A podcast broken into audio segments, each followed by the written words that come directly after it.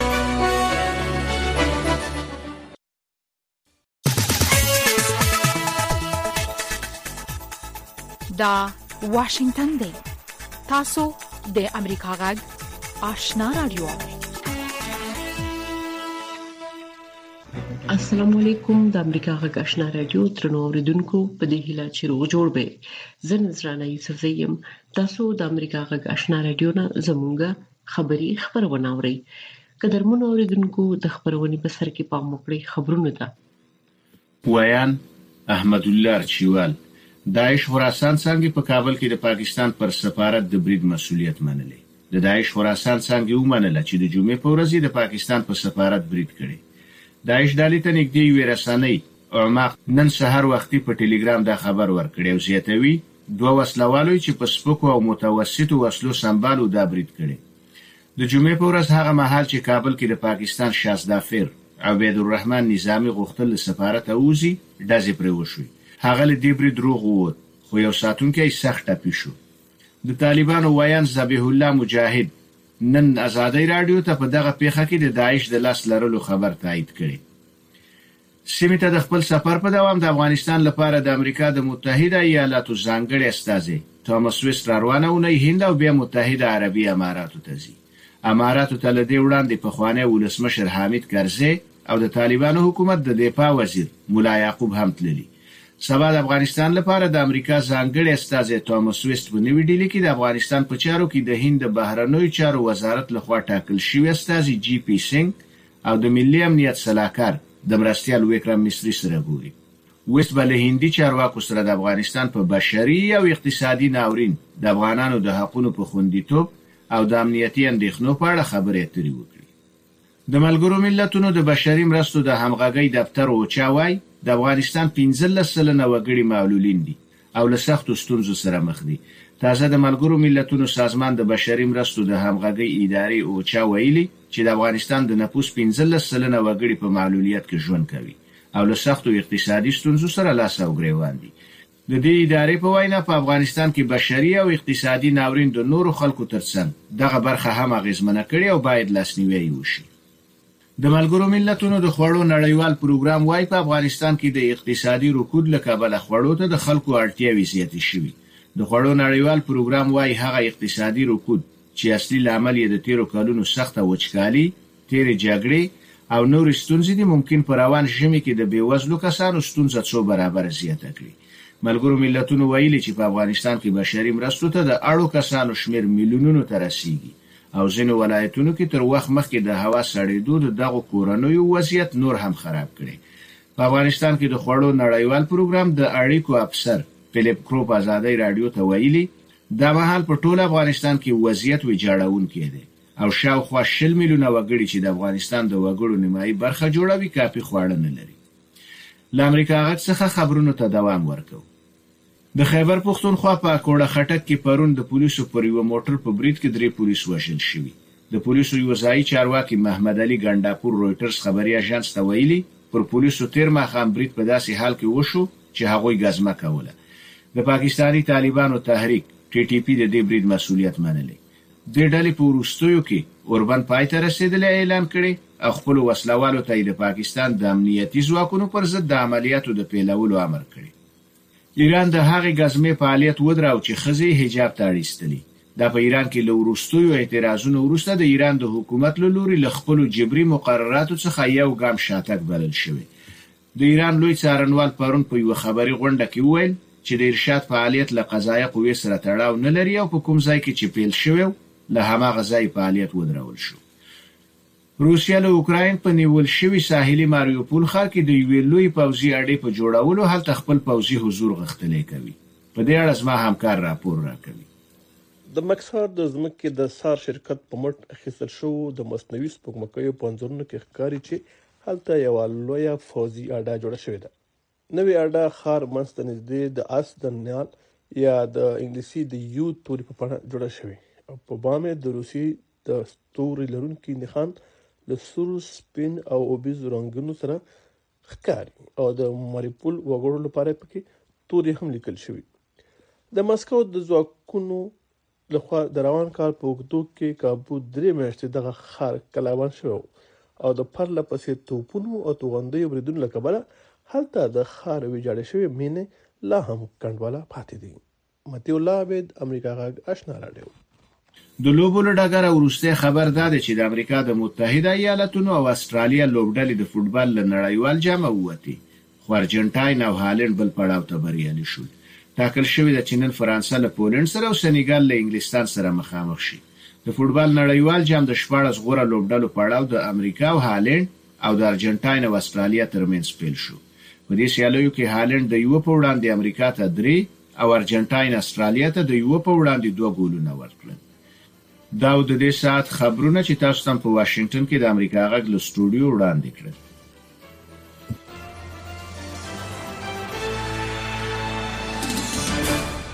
د امریکا غږشنا رادیو درنو اوریدونکو تاسو خبرونه واوریدل پام وکړئ زموږه د خبرونې لومړی رپورت ده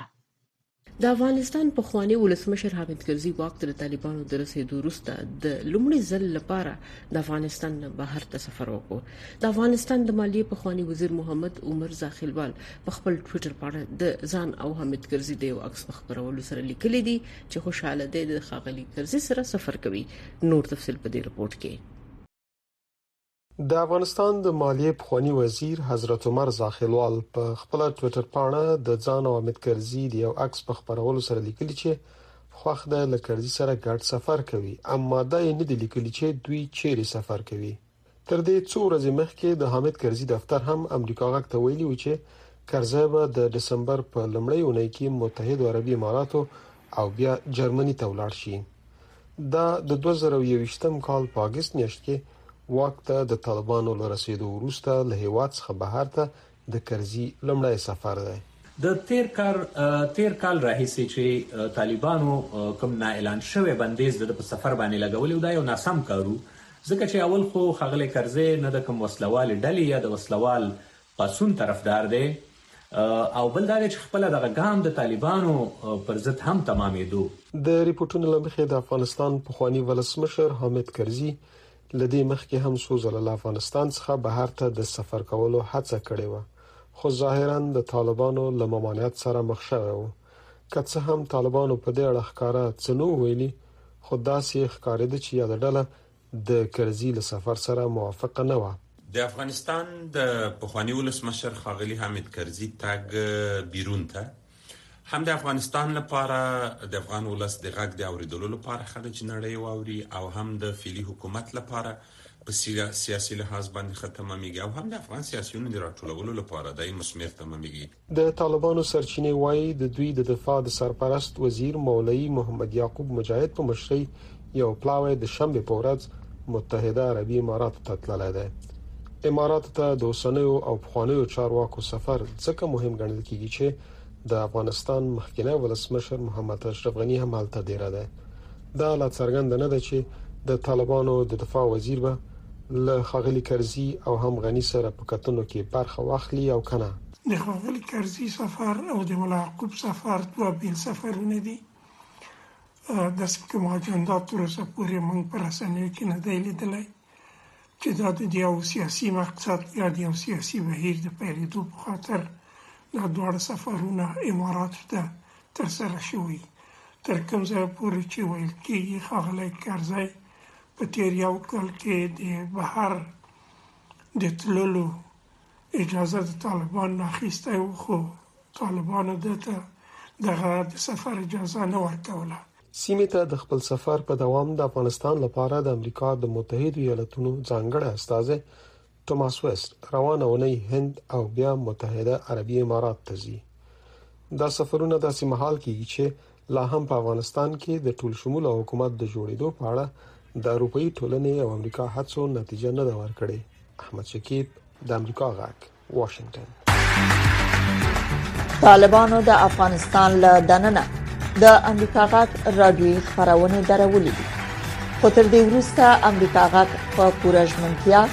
خپل افغان اوریدونکو ته په پښتو او دری ژبه د کره باوري او هررخیزو خبرونو په خبرولو د افغانستان له بهره پر منځنیو چپو نهه سوه او دوه اویا کیلو هرڅه خپلو خپرونو ته دوام ورکړي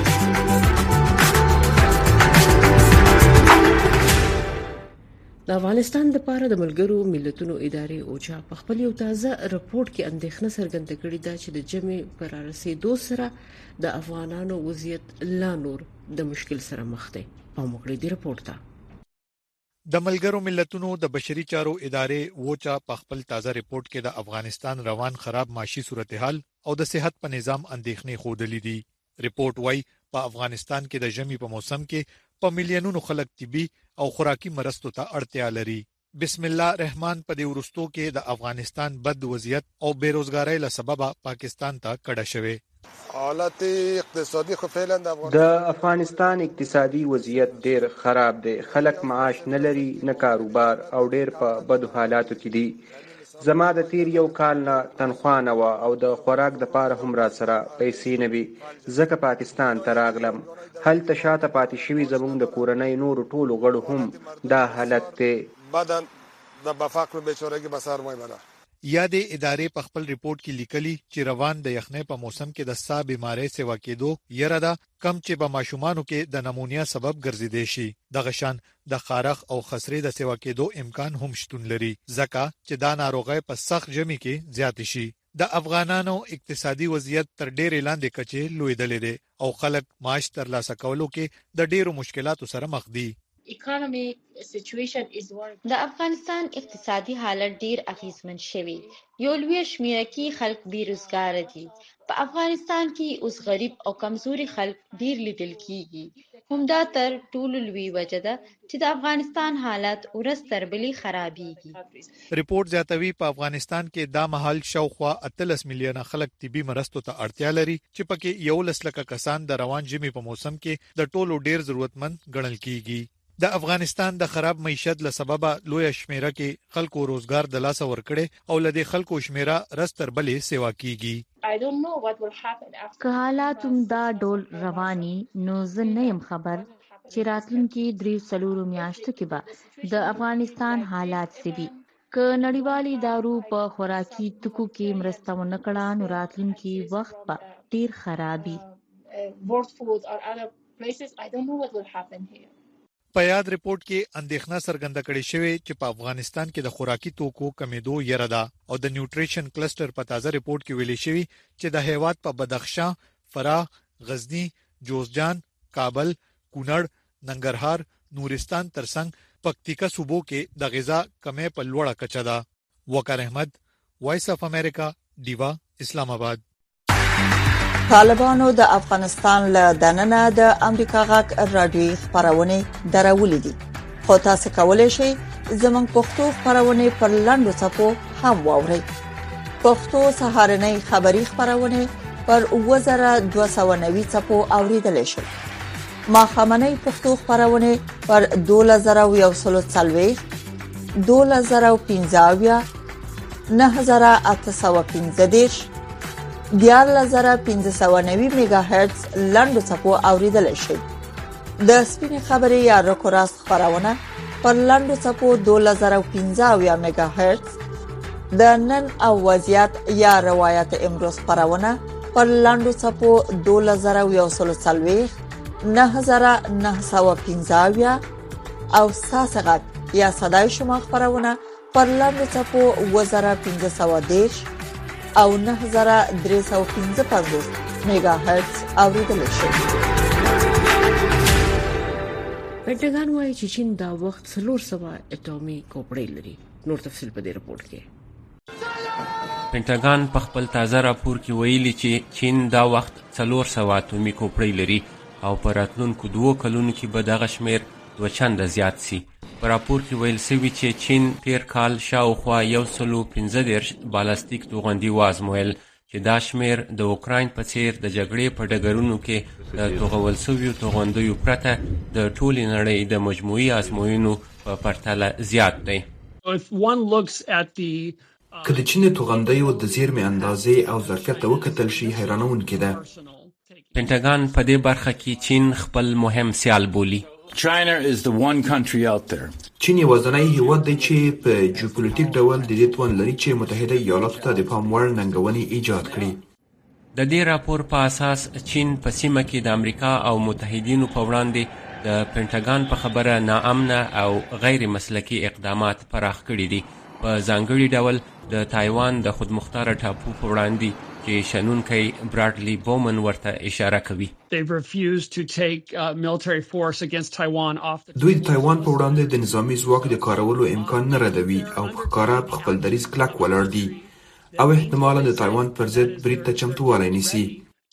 د وروستیو ترینګلتیاوو سره سره پنټاګان په نږدې راتلونکي کې د برید امکان رد کړی دی. په راپور کې واضح شوې ده، موږ فکر نه کوو چې په نږدې راتلونکي کې به یرغل وکړي.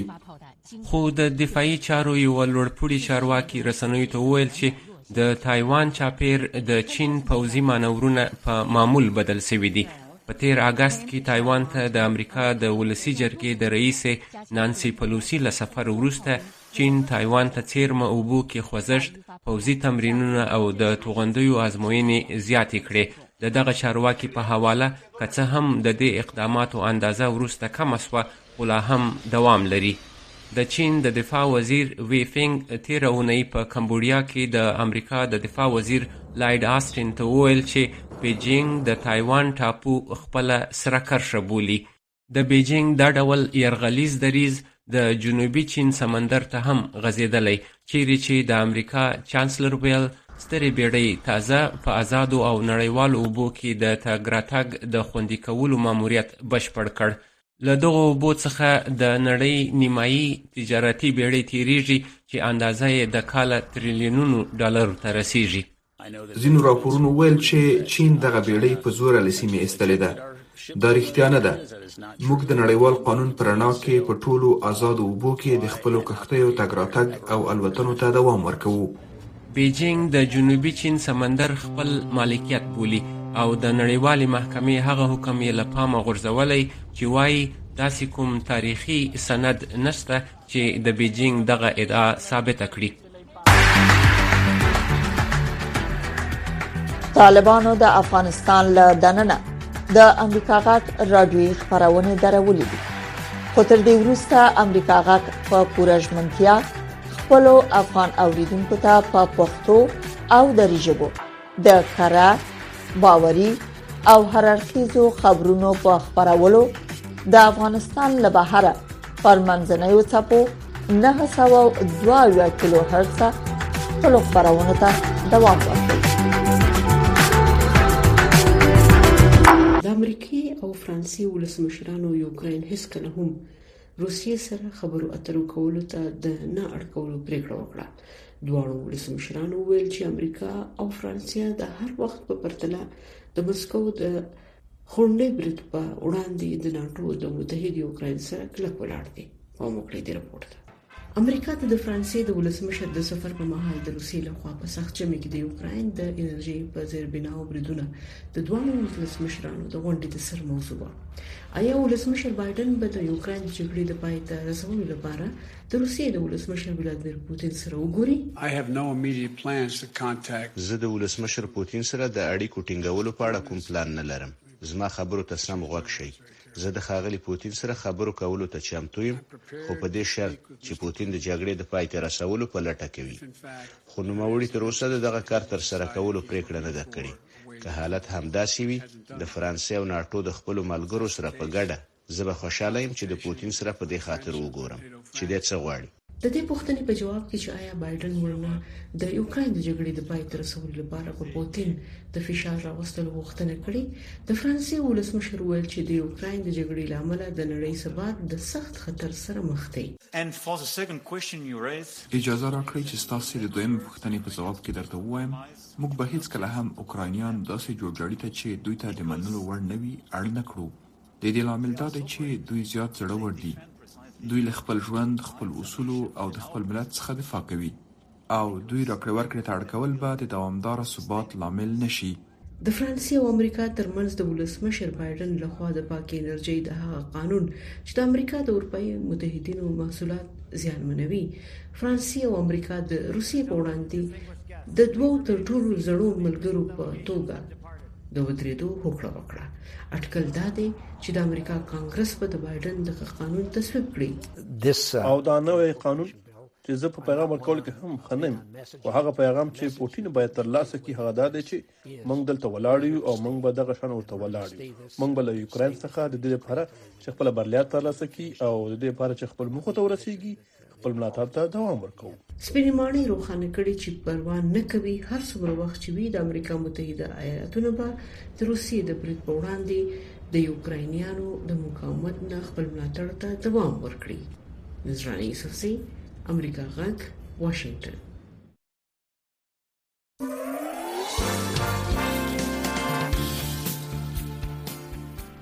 سپینې خبرې د ورځې په خبرونو او مسایلو د نظر د خاوندانو سپینې خبرې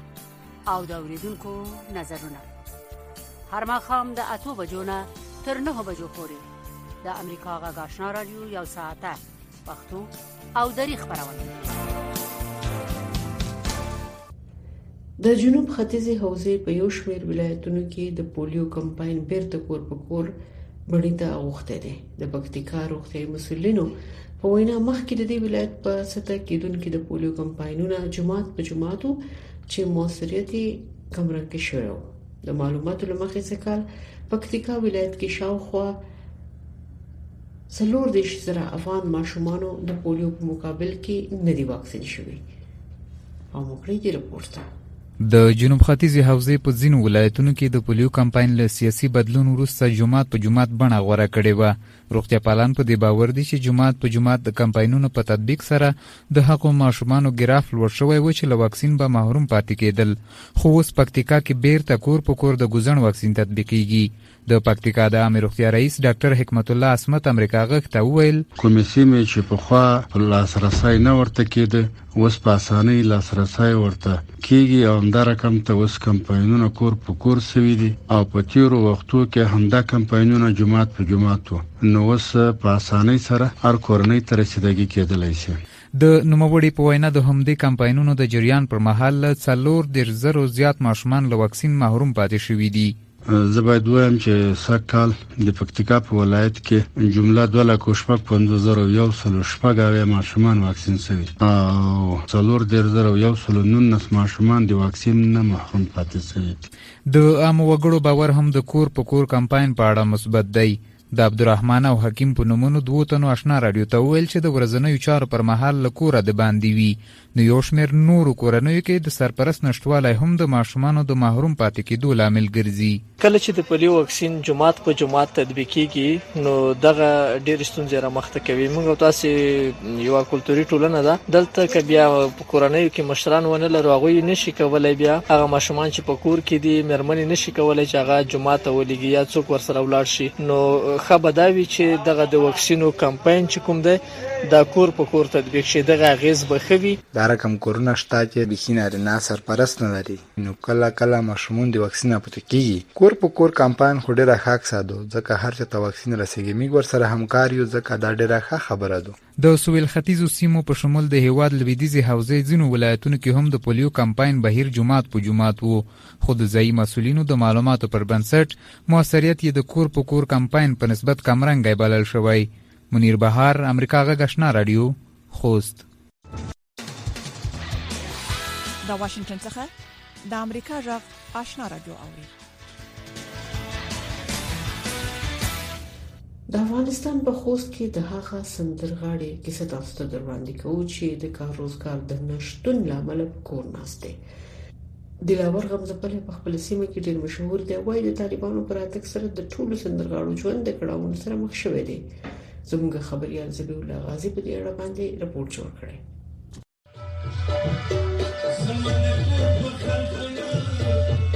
دا د خوست د محلي سندرغاړي دلاور د هغو ورځو د یاد زمزمې دي چې نه یې چا د خوشحالۍ محفلونو ته د تګ لارې نیولې او نه یې واکمنو د موسیقۍ الې ماتولې دلاور اوس له هغې مستۍ لوېدلی او ناچارۍ یې هغه ځوانه څېرم نه ده ورپرېښې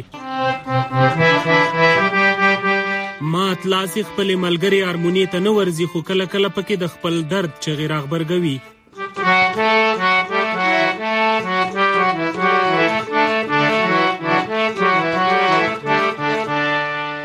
وای ګڼ ملګری له وطن وتلی او چشته هم نو خاموش دي ها زموږ نه خو اوس یو استاد خوشالي استاد سیدای دا مریض دی پروت دی غم ډیر غریب بیچاره دی دنه استادان ملګری اوس کورما کې وی شیخ رحمان استاد مې رحمان تبله والا شیخ رحمان کې بوټ والا هغه غم نشته تاسو نور استادانو محمود استاد را به بي دا غم به شر دلته د سرګردان نه ونه ګرځي نو د رسل زایم نشته کوټیم نشته دا څه چې موږ د استادانو په برکت لري دا امر نه هریږي ځکه چې هدلته هوته یو ارش طالبان حکومت راغلی دی امارت راغلی دی دا شیان بندي هغه څه موده مخکې د خپلې ارمونې د خرڅلاو لپاره په فیسبوک پاڼه اعلان هم وکړو خو هیڅ چا هم وانه خستله غمزپلی په خپل ولایت کې یو نوموتی محلي سندرغاړی دی وایي د لاس مزدوري نشي موندلی او بل کار و کسب نه دی زده فهمانو مکه غریب من استیم خوندره کوي ځکه هر څوک پر یاد کوي شرمېږم دا بده خبره ده موږ ډېر خلک پېژني خو بیا هم وخت داسې دی چې وخت څه په سړی راولي هغې نه بیا نو سترګې نه شي پټېدی کاش چې دوی ځان سنبال کړای وای چې دوی سنبال وای موږ به هم سنبال وایم او د موږ دا غوښتنه ده یو ځنه ټولو افغانانو ته ټولو وطنوالو ته باید د کار زمینه برابره کړي زما خپل پاسپورټ بند دی پیسې مې وسول دی خپل پا... طالبانو د افغانستان له دننه د امریکا غاټ رادیوي خبرونه درولې دي خو تر دې وروسته امریکا غاټ په پوره ژمنتیا خپل افغان اوریدونکو ته په پښتو او دری ژبه د کره باوري او هررخیزو خبرونو په خبرولو د افغانستان له بهره پرمنځنوي چپو 902 کیلو هرتز خپل خبرونه ته دوام ورکړي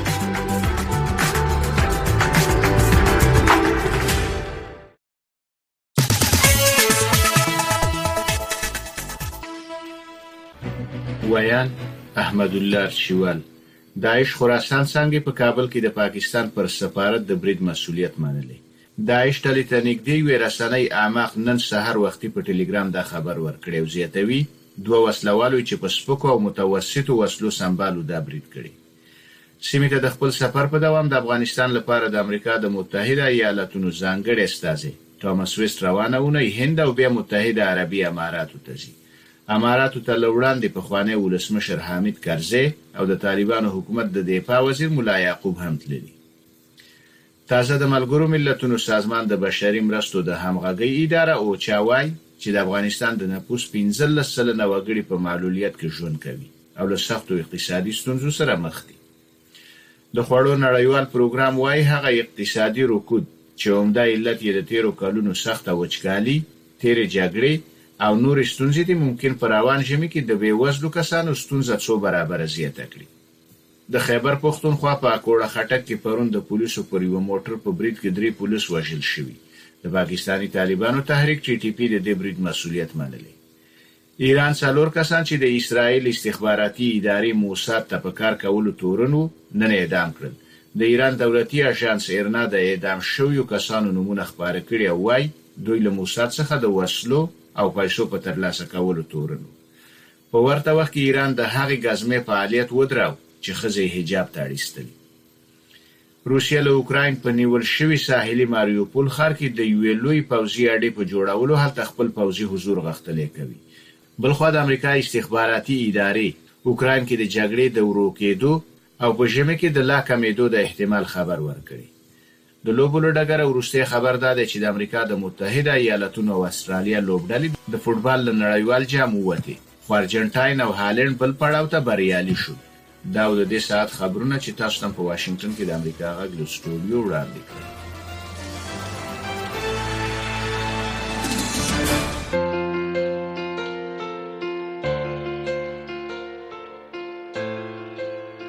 قدرمنو اوریدونکو تاسو د امریکا غږ آشنا رادیو نه زموږه خبری خبرونه واوریده موږ تاسو نه په دې هیله اجازه غواړو چې خبرونه به اوریدلې وي د خوده په امان